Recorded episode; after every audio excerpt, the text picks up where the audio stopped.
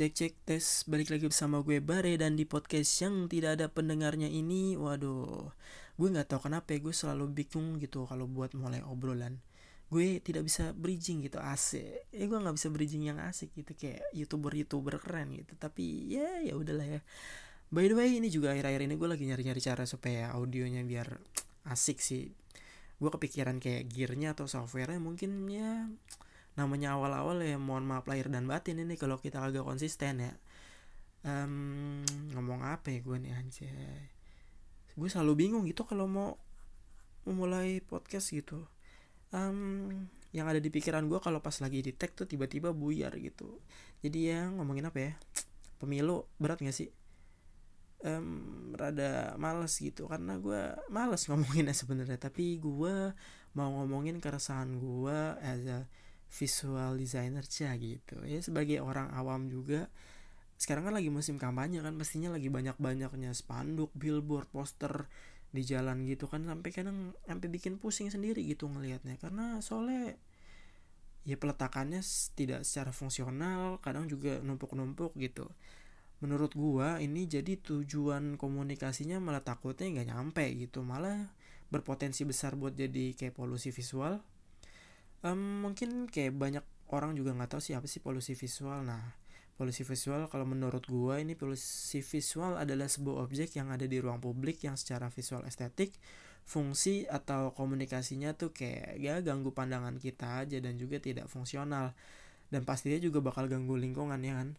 Misalnya contoh kayak banner iklan saling numpuk kabel-kabel menjuntai gambar-gambar tembok yang asal-asalan atau postingan IG mantan gitu misalnya aja Iya kan kayak banner iklan yang tumpuk-tumpuk sering banget kita temuin atau kabel-kabel di jalan atau apa yang mengganggu visual estetik atau gambar-gambar yang asal-asalan kan harusnya bisa dibikin lebih indah gitu lewat mural-mural atau graffiti-graffiti. Tapi kan sekarang banyak yang kayak cuma tulisan asal-asalan aja lah.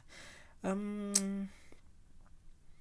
mungkin kayak hal-hal kayak gini sebenarnya masih sering banget kita lihat di kota sih. Saking banyaknya papan iklan jadi banyak malah ada juga yang ya banyak juga sih kalau lihat yang kayak billboard billboard yang terbengkalai gitu atau objek-objek visual yang tidak apa ya mengesampingkan kesan estetik dan juga komunikasinya anjay. Ngomong apa sih gue aduh gila.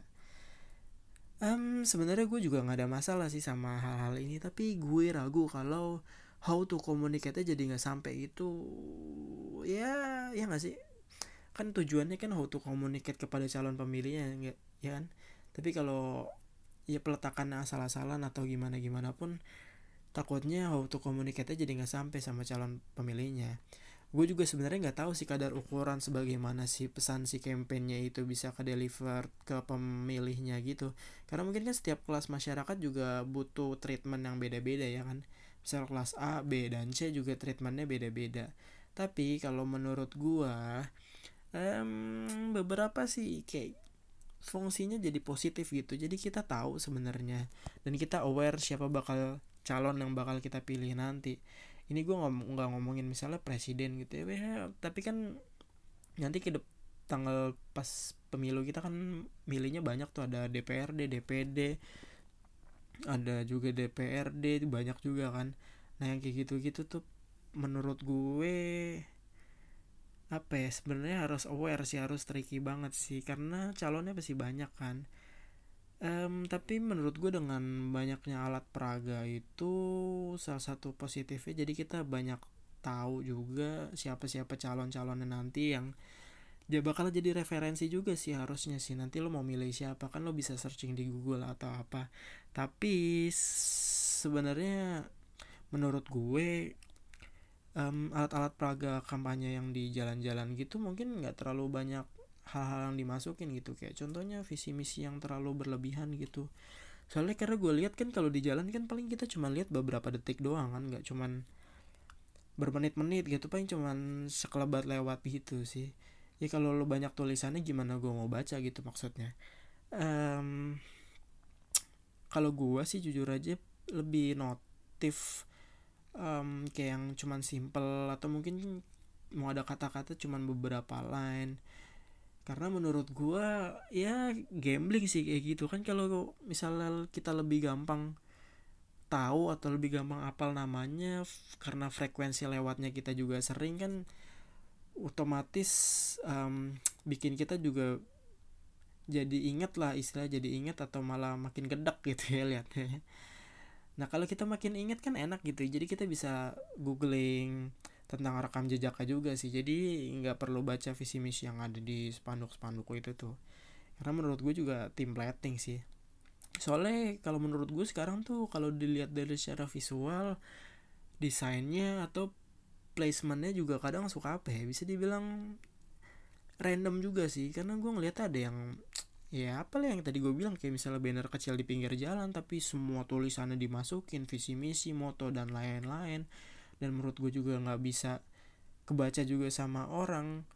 Menurut gue secara komunikasi itu udah nggak efektif sih. Karena ya kalau eksekusinya secara flyer gitu menurut gue masih jauh lebih efektif apalagi didukung sama komunikasi tatap muka langsung gitu. Pasti makin keren sih makin gampang dikenal gitu.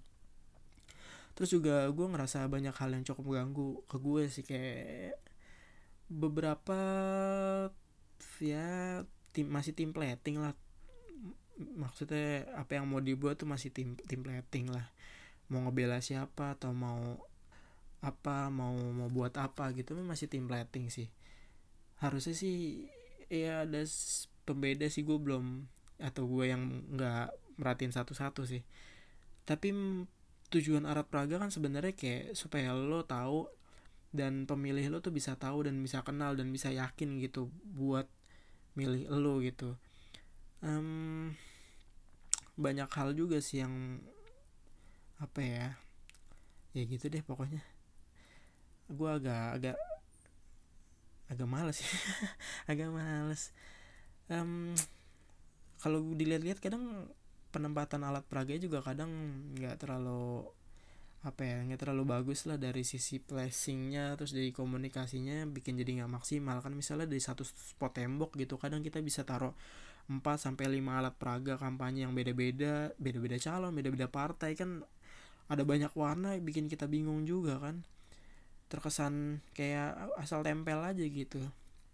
Terus juga ada beberapa yang kayak yang tadi gue bilang kayak asal tempel gitu yang kayak visibility-nya kurang tapi tetap dipaksain gitu buat naro-naro um, ya poster atau apa pun. Jadi jadi nggak maksimal gitu nggak kelihatan juga nggak komunikasinya nggak sampai juga dan ya cuman kayak sekedar asal tempel aja sih kalau menurut gue ya lepas dari semua itu sih yang cukup menurut kalau gue ngerasa sih cukup membantu buat gue buat tahu siapa calon um, siapa yang bakal gue pilih nanti ke depannya kan gue juga harus tahu rekam jejaknya apa yang udah dia perbuat gitu.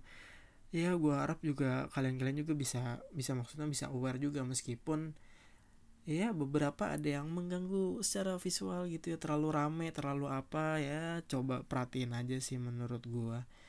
Karena ya kalau nanti kan pemilih pemilunya kan banyak tuh. Jadi ya ya harus harus milih juga kali. Maksudnya kita kan kagak mungkin hitung kancing juga kan lu kira ujian nasional gitu. Kan kita harus benar-benar tahu siapa yang kita pilih dan bisa kita pertanggungjawabkan sih harusnya ya gue harap itu sih maksudnya as bisa bisa berguna maksudnya bisa bermanfaat lah bisa bikin kita tahu siapa nanti ke depannya calon yang bakal kita pilih komunikasinya kayak apa visi misinya kayak apa dan ya yang kita di asal alat peraganya jadi media yang efektif buat komunikasi dan gak hanya jadi polusi visual aja sih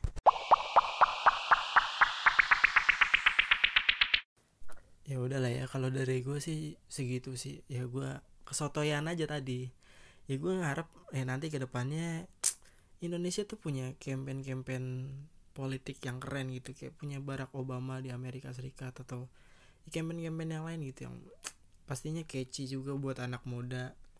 Ya gue yakin bisa sih nanti ke depannya seiring berkembangnya waktu dan juga budaya orang Indonesia ya gue harap kayak gitu sih. Asal um, pesan gue ya ya tetap diperhatiin lah hal-hal yang kayak gitulah. Buat kita juga pemilihnya juga buat yang masang juga jangan jangan tempel di pohon lagi ya. Ini gue masih sering banget lihat itu tempel di pohon tempel di tiang listrik. Ya gue harap nanti ke depannya udah nggak ada yang kayak gitu-gitu lagi lah. Kita bikin komunikasi secara efektif aja sih cie. Mau jadi caleg kayak gue anjir. Enggak lah gue ya gitulah ya udahlah gue juga bingung sih mau ngomong apa lagi. Ya udah kayaknya udah dulu ya podcast kali ini. Thank you udah buat dengerin. Ya udah thank you